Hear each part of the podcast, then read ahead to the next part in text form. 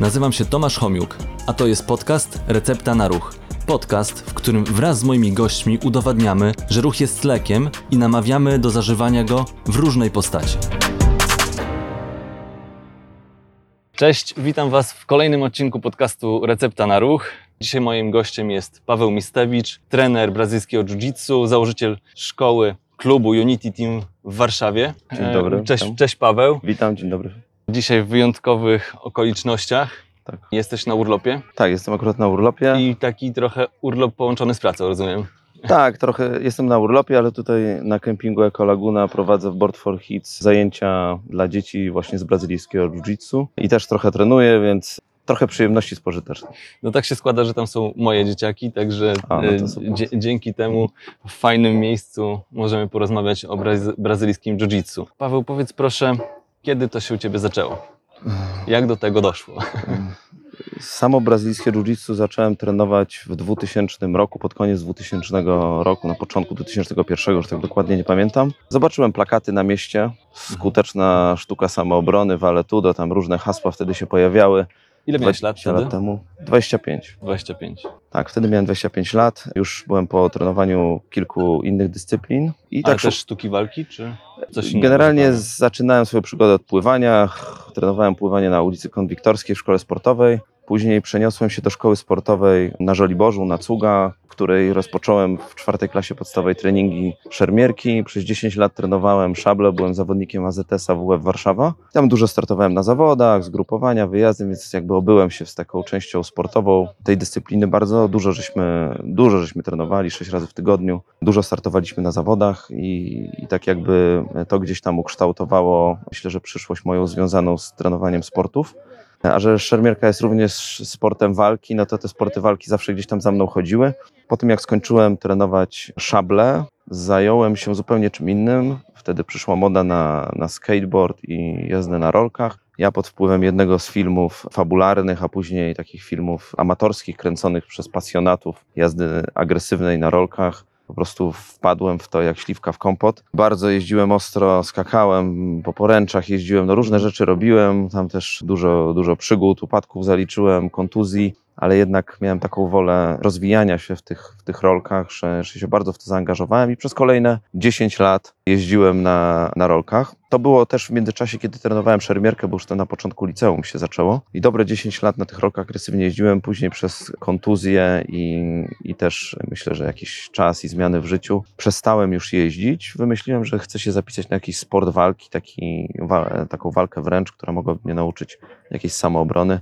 Biorąc pod uwagę fakt, że miałem kiedyś długie włosy, słuchałem heavy metalu, to gdzieś tam mnie na ulicy napadli parę razy. To jak nie miałem szabli, to już się nie umiałem obronić tak łatwo. Szabla czasami ratowała. Natomiast poszedłem na kung fu, z tego względu, że byłem też pasjonatem Jackiego Chana, jak wiele osób w tamtych czasach. Pijany Mistrz i podobne filmy żeśmy oglądali z kolegami. No ale to wszystko, co było w filmach Jackiego Chana nie, nie sprawdzało się w rzeczywistości. Po dwóch latach trenowania kung fu, wushu, jakichś tam innych odmian, zobaczyłem, że tutaj tak naprawdę nic się nie nauczyłem z takiej walki realnej i wtedy to był ten właśnie 2000-2001 rok, kiedy zobaczyłem plakaty szkoły Wale, która uczy brazylijskiego jiu-jitsu, najskuteczniejszej, takie były hasła, najskuteczniejsza sztuka walki na świecie, walki w klatkach też, też i tak dalej. filmy później?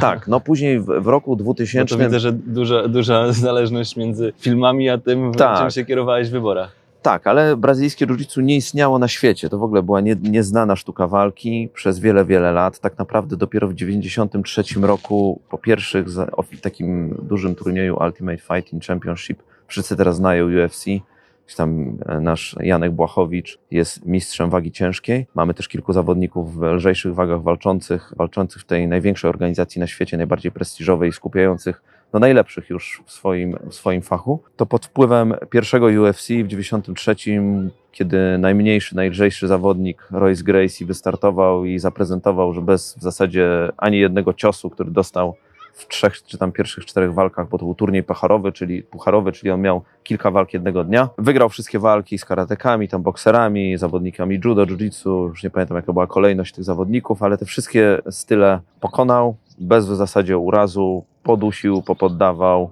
mimo że był najmniejszy. No i to jakby był dla mnie dowód mega wiarygodny, który spowodował, że ja muszę to zacząć trenować. Nabyłem VHS, bo wtedy nie było YouTube'a, tak jak teraz, że każdy młody, który zaczyna trenować jiu-jitsu ma dostęp do każdej techniki praktycznie na świecie, może te i proste i te trudne sobie oglądać, Próbować. próbować. Wtedy nie było dostępu do tej wiedzy, nie było Brazylijczyków w Europie, w Polsce, nie, nie, nie było możliwości uczenia się od nikogo, więc pozostały VHS-y. I na tych VHS-ach były e, i techniki podstawowe, nagrania z Mistrzostw Świata, najbardziej takich legendarnych zawodów brazylijskiego jiu-jitsu odbywających się w Baja de Tijuca, jeśli dobrze pamiętam, blisko Rio de Janeiro, takiej też legendarnej sali z żółto-zielonymi matami. Te VHS-y to były tam jakoś 20 przegranie, więc niewiele było widać, ale i tak żeśmy oglądali to z kolegami. No i po podziwialiśmy te nazwiska najlepsze, jak oni walczą, zaczęliśmy się na nich wzorować. Chcieliśmy po prostu nauczyć się jiu-jitsu tak, jak oni umieją. Startowaliśmy też na tych zawodach pierwszych, które w tamtych czasach były organizowane już w Polsce przez Mirka Oknińskiego, przez e, Karola Matuszczaka, przez chłopaków z Poznania, którzy już ten sport,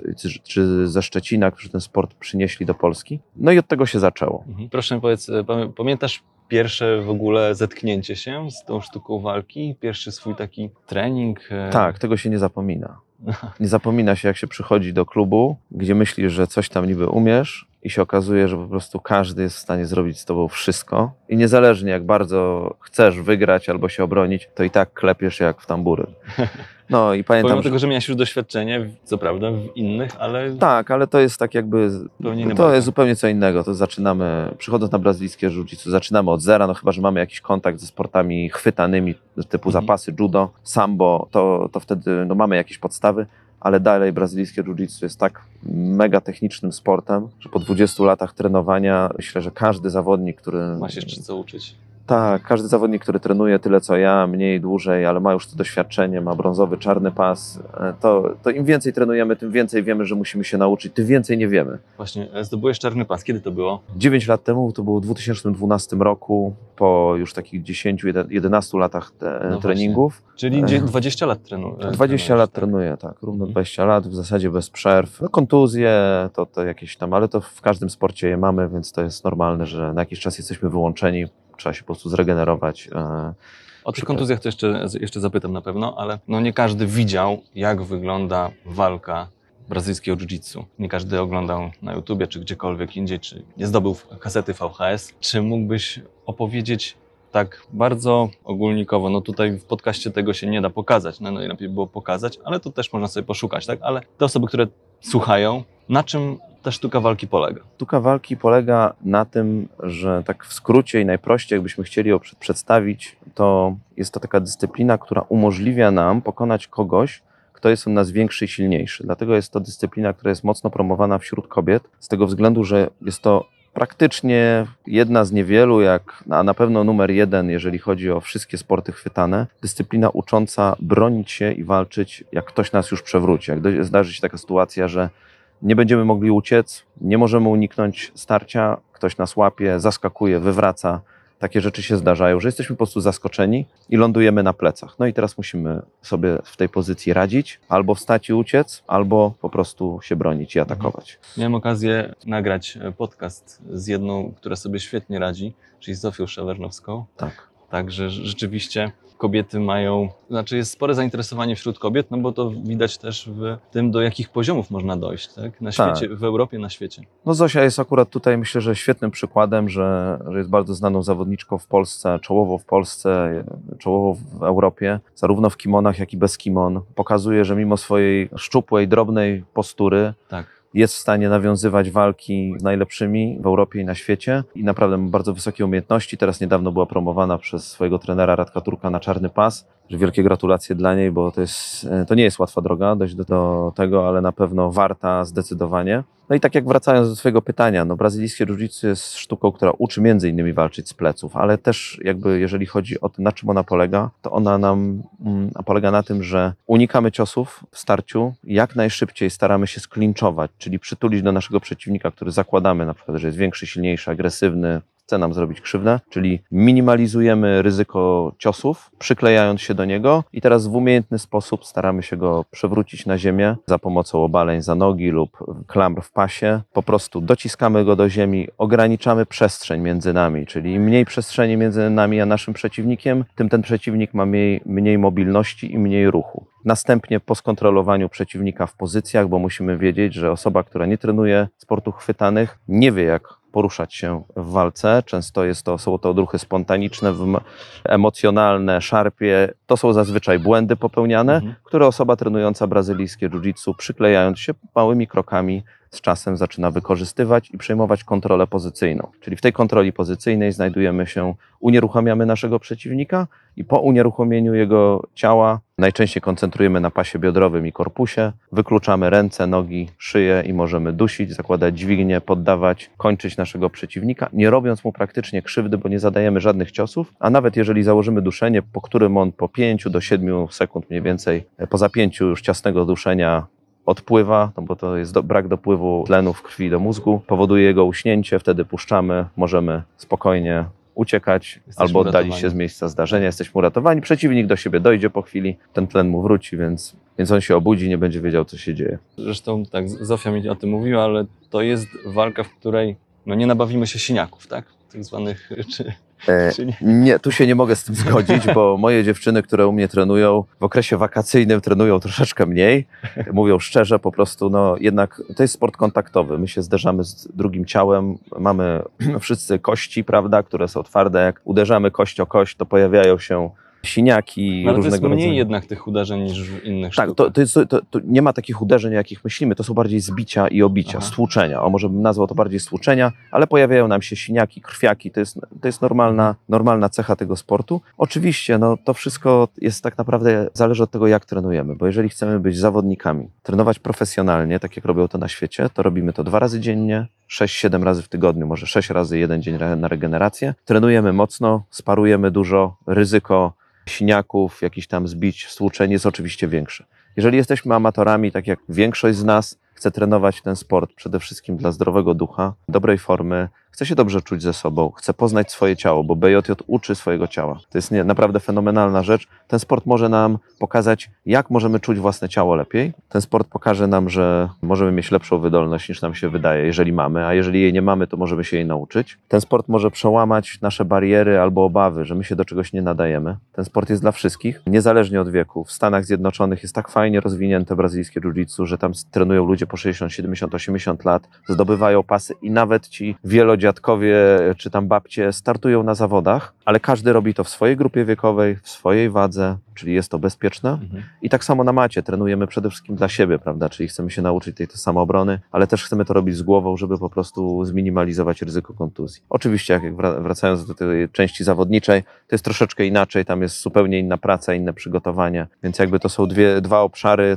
które można ze sobą kompletnie oddzielić. I ja przykładowo w swoim klubie, tak jak myślę, że w każdym innym klubie w Polsce czy na świecie, są osoby, które trenują totalnie amatorsko, mają po 50-60 lat i są osoby, które trenują pod zawody, czyli trenują silniej, intensywniej, mocniej. Powiedziałeś, że w każdym wieku trenujesz też dzieci. Tak. Od jakiego, jakich masz? Najmłodszych? Najmłodszych w tej chwili mam czterolatki, cztero, pięcio, Też sześcio, dobry, siedmiu. dobry moment na to, żeby zacząć? Tak, jest to y, czterolatki, mi się, mi się wydaje, że jest to bardzo dobry moment.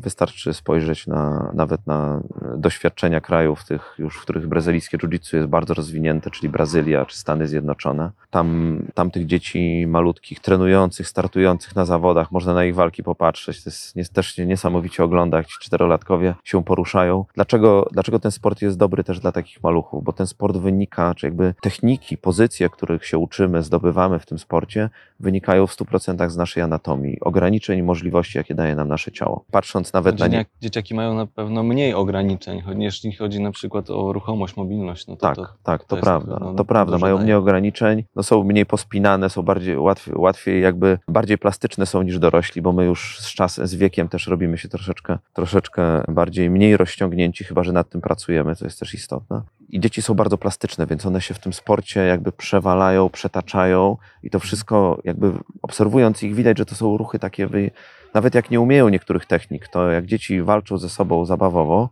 u mnie na treningach, to widać, że to wszystko jest jakby gdzieś tam, widać ten kierunek jiu-jitsu, który można rozwijać w tej jak naszej naturalnej strukturze ciała, którą posiadamy. Stąd ten sport bardzo fajnie, dlatego on jest tak skuteczny, gdyż on w 100% wykorzystuje nasze ograniczenia i możliwości narzucane nam przez anatomię. Tak, no tak sobie myślę, że to na pewno mm, przez to, że y, tam trzeba umieć się poruszać na ograniczonej powierzchni, no to jak tutaj o pewne zdolności motoryczne, jakie zdolności motoryczne są najważniejsze Twoim zdaniem w, w tej sztuce walki? No to sobie wyobrażam, że pewnie właśnie ta ruchomość między innymi. Tak, tak, ta motoryka jest bardzo ważna, ale to jest też tak, że z, niektórzy mają w genach lepszą motorykę, dru, drudzy mają trochę gorszą, muszą nad nią pracować. Niektórzy mają talent, tak jak do wielu innych spo, w wielu innych dyscyplinach czy sportach, a niektórzy to muszą po prostu wypracować pocie na macie. I generalnie no, jest, to jest tak, że w jiu-jitsu mimo że trenujemy ten sam sport na całym świecie. Pasjonatów w Polsce, przykładowo może podam, startuje ponad 1500 osób na największych zawodach w Polsce. W ciągu jednego, dwóch dni przyjeżdża prawie półtora, dwa tysiące osób, startując z dyscypliny, w której nie ma związku tak naprawdę sportowego i nie ma żadnego wsparcia z państwa dla rozwoju właśnie brazylijskiego jiu-jitsu, to jednak ten sport zaskarbił sobie no, masę zwolenników w Polsce. Jest bardzo dużo czarnych pasów już, bardzo dużo brązowych, purpurowych. Ten sport po prostu się mega dynamicznie w ostatnich, szczególnie 10 latach rozwinął. On też ewoluuje na świecie. Musimy pamiętać, że to, czego ja się uczyłem 20 lat temu, to jest dalej ważne, ale ten sport poszedł też mocno do przodu, pokazał nowe możliwości, nowe podejście do, do jiu-jitsu, się fajnie rozwija. Tak naprawdę trochę nie ma końca, więc tak jak mówiłem, no mamy 20, trenujemy 20 lat i dalej mamy wrażenie, że nic nie umiemy i możemy się nauczyć uczyć kolejnego wachlarza. Paweł, Tak. pochwal się proszę, gdzie trenowałeś? Gdzie na świecie miałeś okazję podpatrywać tych mistrzów? Ja pierwszy kontakt z Brazylijczykami miałem po około dwóch latach treningu. W 2002 roku bodajże ściągnęliśmy wicemistrza świata Aleksandrę Soka do Polski, który odwiedził nas dwa razy, prowadził seminaria w Polsce. No, pokazał nam, czym to brazylijskie jiu-jitsu jest. Wtedy oczy się otworzyły bardzo mocno. Później w 2005 z kolegami z klubu Copacabana Warszawa pojechałem do Brazylii, żeby po prostu poczuć to, czym klimat. jest brazylijskie jiu-jitsu i ten klimat. I to jest prawda. No, każdy, kto trenuje brazylijskie jiu-jitsu i chce to się rozwijać, powinien sobie zaplanować jeden w życiu wyjazd do Brazylii, żeby zobaczyć, co to jest BJJ, skąd to BJJ pochodzi jak się trenuje w Brazylii, szczególnie w takich warunkach, jak mamy tutaj dzisiaj, że jest bardzo gorąco, ale do tej temperatury dochodzi jeszcze w Brazylii bardzo wysoka wilgotność, więc tego powietrza w powietrzu za wiele nie ma. Czyli jest się ciężko, jest tak, ciężko. Szczególnie, Pierwsze- ktoś się dusi. Nie? tak, No to- pierwsze dwa, trzy dni aklimatyzacji to jest wyzwanie, ale to jest mega doświadczenie. No pierwszy raz, jak ja miałem niebieski pas wtedy, jak poleciałem do Brazylii, Brazylii w 2005 roku, wszedłem na matę do jednej z największych akademii na świecie, Gracie Barra i zobaczyłem w niej dokładnie liczyłem 17 czarnych pasów, gdzie dla mnie czarny pas w Polsce purpurowego nie było tym czasie. wcześniej, jeszcze chwilę tam, znaczy już tam parę purpurowych było w 2005, ale gdzie dla mnie te, te purpurowe, brązowe, czarne pasy, to ja ich na oczy nie widziałem, to po prostu no, zrobiło to kolosalne wrażenie. Nogi się ugięły i w tej 17 stali mistrzowie świata, Marcio Pedepano, Marcio Feitosa, Nino Szembri, Carlinhos, Roger Gracie, Braulio Estima, Lagarto. Ciężko się nawet tam Wrażenie. było odnaleźć. Stres był niesamowity, a jak jeszcze, jak pamiętam, w pierwszej walce Carlinhos, czyli założyciel e, Gracie Bacha, wskazał mi Pedepano, czyli 130-kilowego e, giganta, tam mistrza świata i tak dalej. I ja po prostu jak miałem, zbliżałem się do niego, no to byłem podekscytowany, a jednocześnie wiedziałem, co mnie czeka. było. Wiedziałem, co mnie czeka i rzeczywiście tak to się skończyło. On się nudził ze mną w walce, ale to tak jest, że jak tam główny trener wskazuje, no to czarny pas musi zawalczyć nawet z takim niebieskim, z którym się może pobawić. No i my żeśmy tam przez trzy tygodnie, cztery trenowali, później na koniec wystartowaliśmy na tych legendarnych żółto-zielonych matach na mundialu w 2005 roku. Tam zobaczyliśmy całą czołówkę z Brazylii, z Japonii, z Stanów Zjednoczonych w ówczesnych latach, którzy startowali i byli mistrzami świata. No, Coś tam powygrywaliśmy, ale y, nic nie osiągnęliśmy. To jednak z tych zawodników w kategorii mojej to tam z 150 startowało. Ja wygrałem pierwszą walkę, w drugiej już odpadłem. Później w Open wystartowałem, też pierwszą wygrałem, już w kolejnej przegrałem. Więc, ale to najważniejsze było doświadczenie, poznanie tych ludzi i, i to, to był pierwszy kontakt. Później miałem okazję trenować z Rogerem Gracie też w Brazylii i w Londynie, w którym on teraz prowadzi akademię. Raz ściągnęliśmy Rogera, to jest legenda tego sportu, to jak w ogóle, nie wiem, Federer w tenisie, to Roger Gracie w brazylijskim jiu-jitsu. Pokazał, akurat jego styl lubię bardzo i skuteczność i to, że w ogóle jest niepoddawalny, do tej pory nikt go w czarnych pasach nie poddał. Fenomenalna praca w prostym jiu-jitsu, czyli on nie ma skomplikowanego jiu-jitsu, ale ma proste, przyswajalne. Wszystko widać na filmach, co on robi, ale robi to idealnie i my wszyscy tutaj staramy się dążyć, żeby robić to tak jak to Roger, czy ci inni najlepsi, którzy teraz walczą Czyli ani razu się nie poddał, nie miał, nie wiem, gorszego dnia, tylko po prostu jak automat, tak? No, przykład nawet mogę tutaj krótko jeszcze wspomnieć o Rogerze, który za, zakończył swoją karierę zawodniczą tak z 6 lat temu, 5 na oko. No parę lat już nie startuje. Byłem w sierpniu 2017 bodajże rok albo 18, nie pamiętam. Był, zorganizowali super fight. Markus Buczecza, Almeida, teraz numer jeden na świecie w wadze ciężkiej. Gość, który przejechał kategorię swoją i Open w tamtym właśnie roku, 3-4 lata temu, nikt mu nie stanął na drodze. Wygrał wszystko, dwa złote medale, po prostu rozbił bank na Mistrzostwach Świata. Wielki, ciężki, silny, dynamiczny zawodnik, ruszający się jak 80-kilowy zawodnik BJJ, a nie 120 czy tam 110. No i zorganizowali mu super fight z Rogerem. Ja tutaj kawałek dalej na Hołpach 6 siedziałem sobie na plaży z iPadem, oglądałem na żywo, trochę mi internet zrywał, ale jakoś tam złapałem. I oglądałem i Roger, jak tylko doszło do walki w parterze ze stójki, poddał tego buczecza w ciągu 30 sekund, minuty. Po prostu szczęka do ziemi opadła i wszystkim pokazał Roger, że jednak mm, jest dalej bardzo dobry i może walczyć nawet z najlepszymi, więc za pomocą prostego swojego jiu-jitsu on nie zrobił żadnej ekwilibrystyki. Więc no, ten sport po prostu mnie wkręcił, no jest to Mhm. pasja i jak wiele No innych to jest, to jest niesamowite, że tutaj mniejsze, mniej się warunki fizyczne liczą, jak e, umiejętność, technika. To jest bardzo ważne. Tu, jeżeli pozwolisz, to wtrącę jedną rzecz. To, co powiedziałeś, jest, to jest prawdą oczywiście. Natomiast jeżeli zdarza się sytuacja, gdzie mamy dwóch zawodników o tych zbliżonych lub podobnych warunkach e, technicznych, prawda, czyli oni mają podobnie, to już aspekty fizyczne mają znaczenie, Nie, no prawda? tak, no. tak. Natomiast Ale jak to mamy pokazuje, że czasami zawodnik, który jest dużo cięższy, no, nie jest do, nie do pokonania. Tak? oczywiście, no.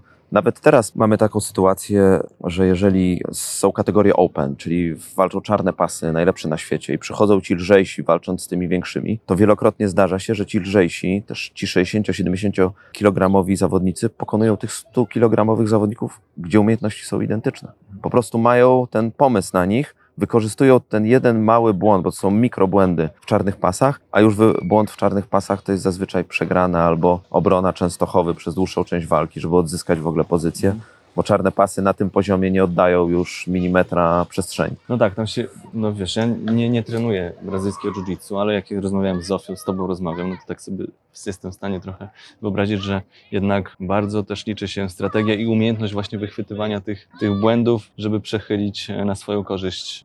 Oczywiście, oczywiście. To jest, to jest mega istotne. Każdy zawodnik też, mimo że oni wszyscy robią te same techniki, to każdy specjalizuje się w jakimś kierunku albo obszarze technicznym, prawda? W przejściu gardy takim albo w gardzie takiej, no to tych, tych odmian e, walki takiej sportowej jiu-jitsu jest bardzo dużo. I jeżeli ta jego odmiana pasuje do stylu przeciwnika, nawet jak jest różnica masy siły, to można zaskoczyć bardzo, narzucając swoją grę. Później ciężko jest odbudować już przeciwnikowi pozycję, więc ten aspekt techniczny jest mega ważny. Ci najlepsi na świecie są bardzo technicznie wyszkoleni. To naprawdę jest- mega wysoki poziom pracy, pracy w parterze i jakby planowania też strategii na kolejne walki.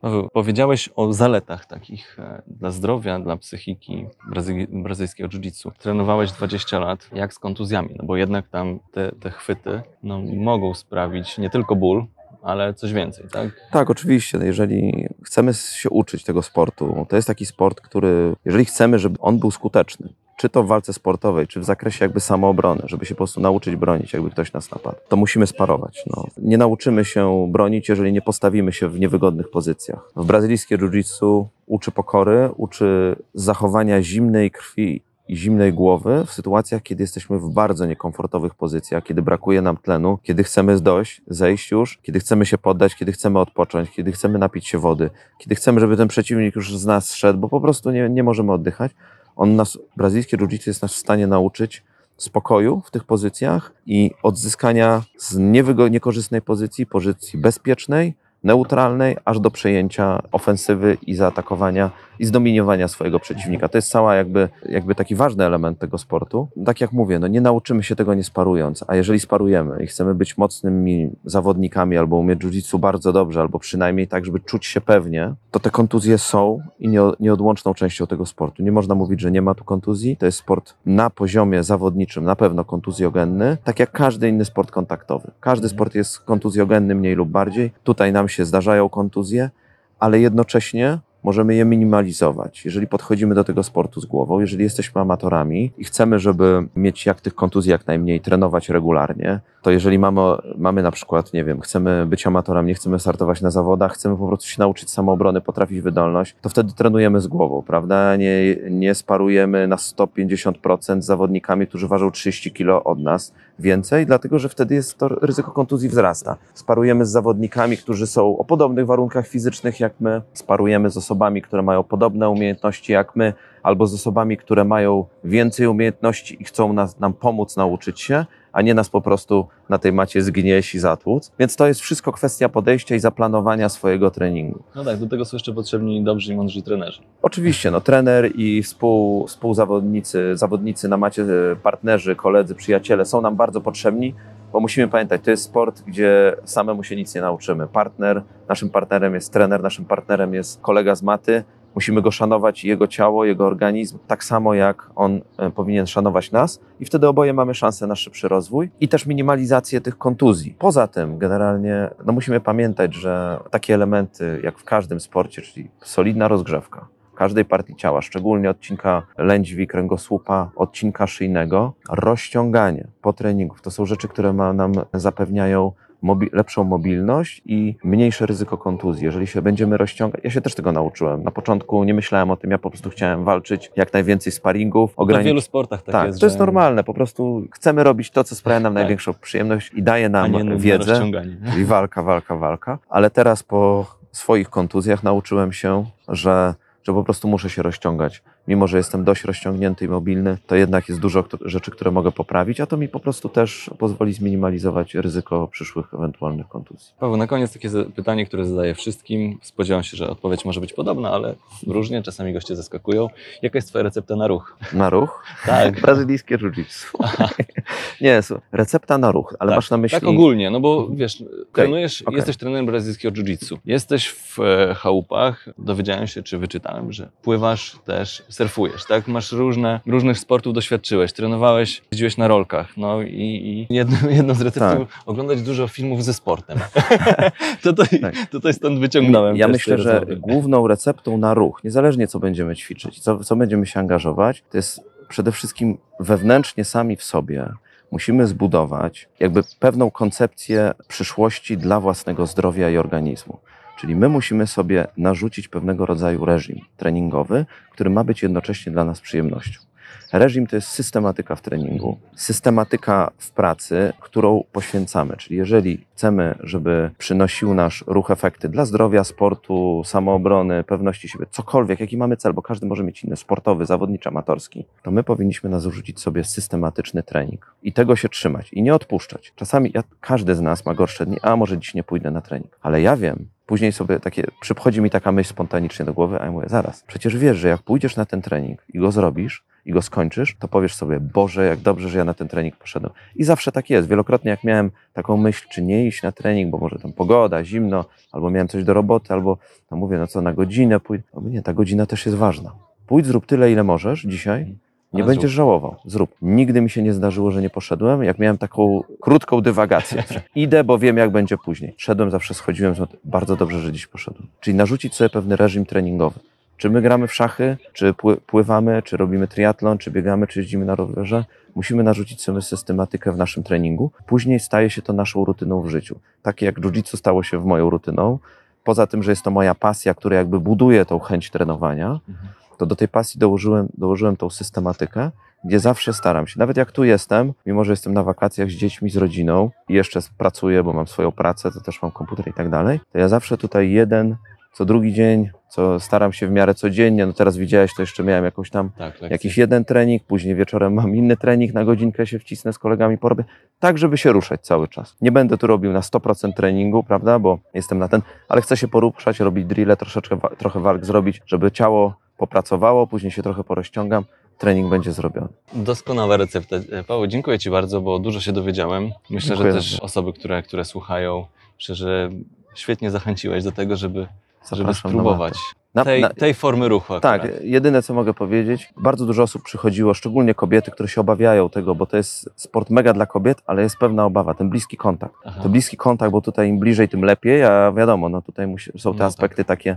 intymności, gdzie możemy się czuć, czuć dyskomfort. Wszystkie dziewczyny, które trenują u mnie w klubie, trenowały, na początku zawsze miały ten sam problem. Po paru treningach, oczywiście z dobrym partnerem, partnerką na macie, ten problem mija. One zaczynają dostrzegać, po co przychodzą na matę, a nie ten aspekt jakby tej bliskości, bo to jest jakby część tego sportu. Czyli jeszcze dodatkowy element tej recepty. Nie zniechęcać się po pierwszym treningu. Nie zniechęć. Trzeba pójść, trzeba spróbować, dać sobie szansę, pochodzić razy, trochę. Tak. A to jeszcze może jedną rzecz powiem. tak. To nie jest sport, który trzeba 10 lat trenować, żeby cokolwiek się nauczyć. Po roku, dwóch latach systematycznych treningów, czyli na przykład trzy razy w tygodniu, ale nie mówię tu o zawodniczym trenowaniu, tylko po prostu Aha. typowo amatorskim, regularnym, jesteśmy w stanie bardzo dużo się nauczyć. Kompletnie zmienić postrzeganie tego, czym jest samoobrona, jak się zachowywać w sytuacji zagrożenia, a jednocześnie poczuć dużo lepiej swoje ciało, no i poprawić swoją, swoją kondycję. Dzięki Paweł. Dziękuję Ci bardzo Dziękuję. za rozmowę. Proszę bardzo.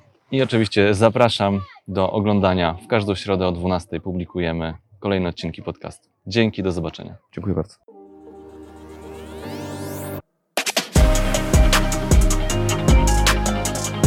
Dzięki, że byliście. Mam nadzieję, że zostaniecie tutaj na dłużej. Jeżeli chcecie być na bieżąco, zasubskrybujcie kanał Recepta na Ruch.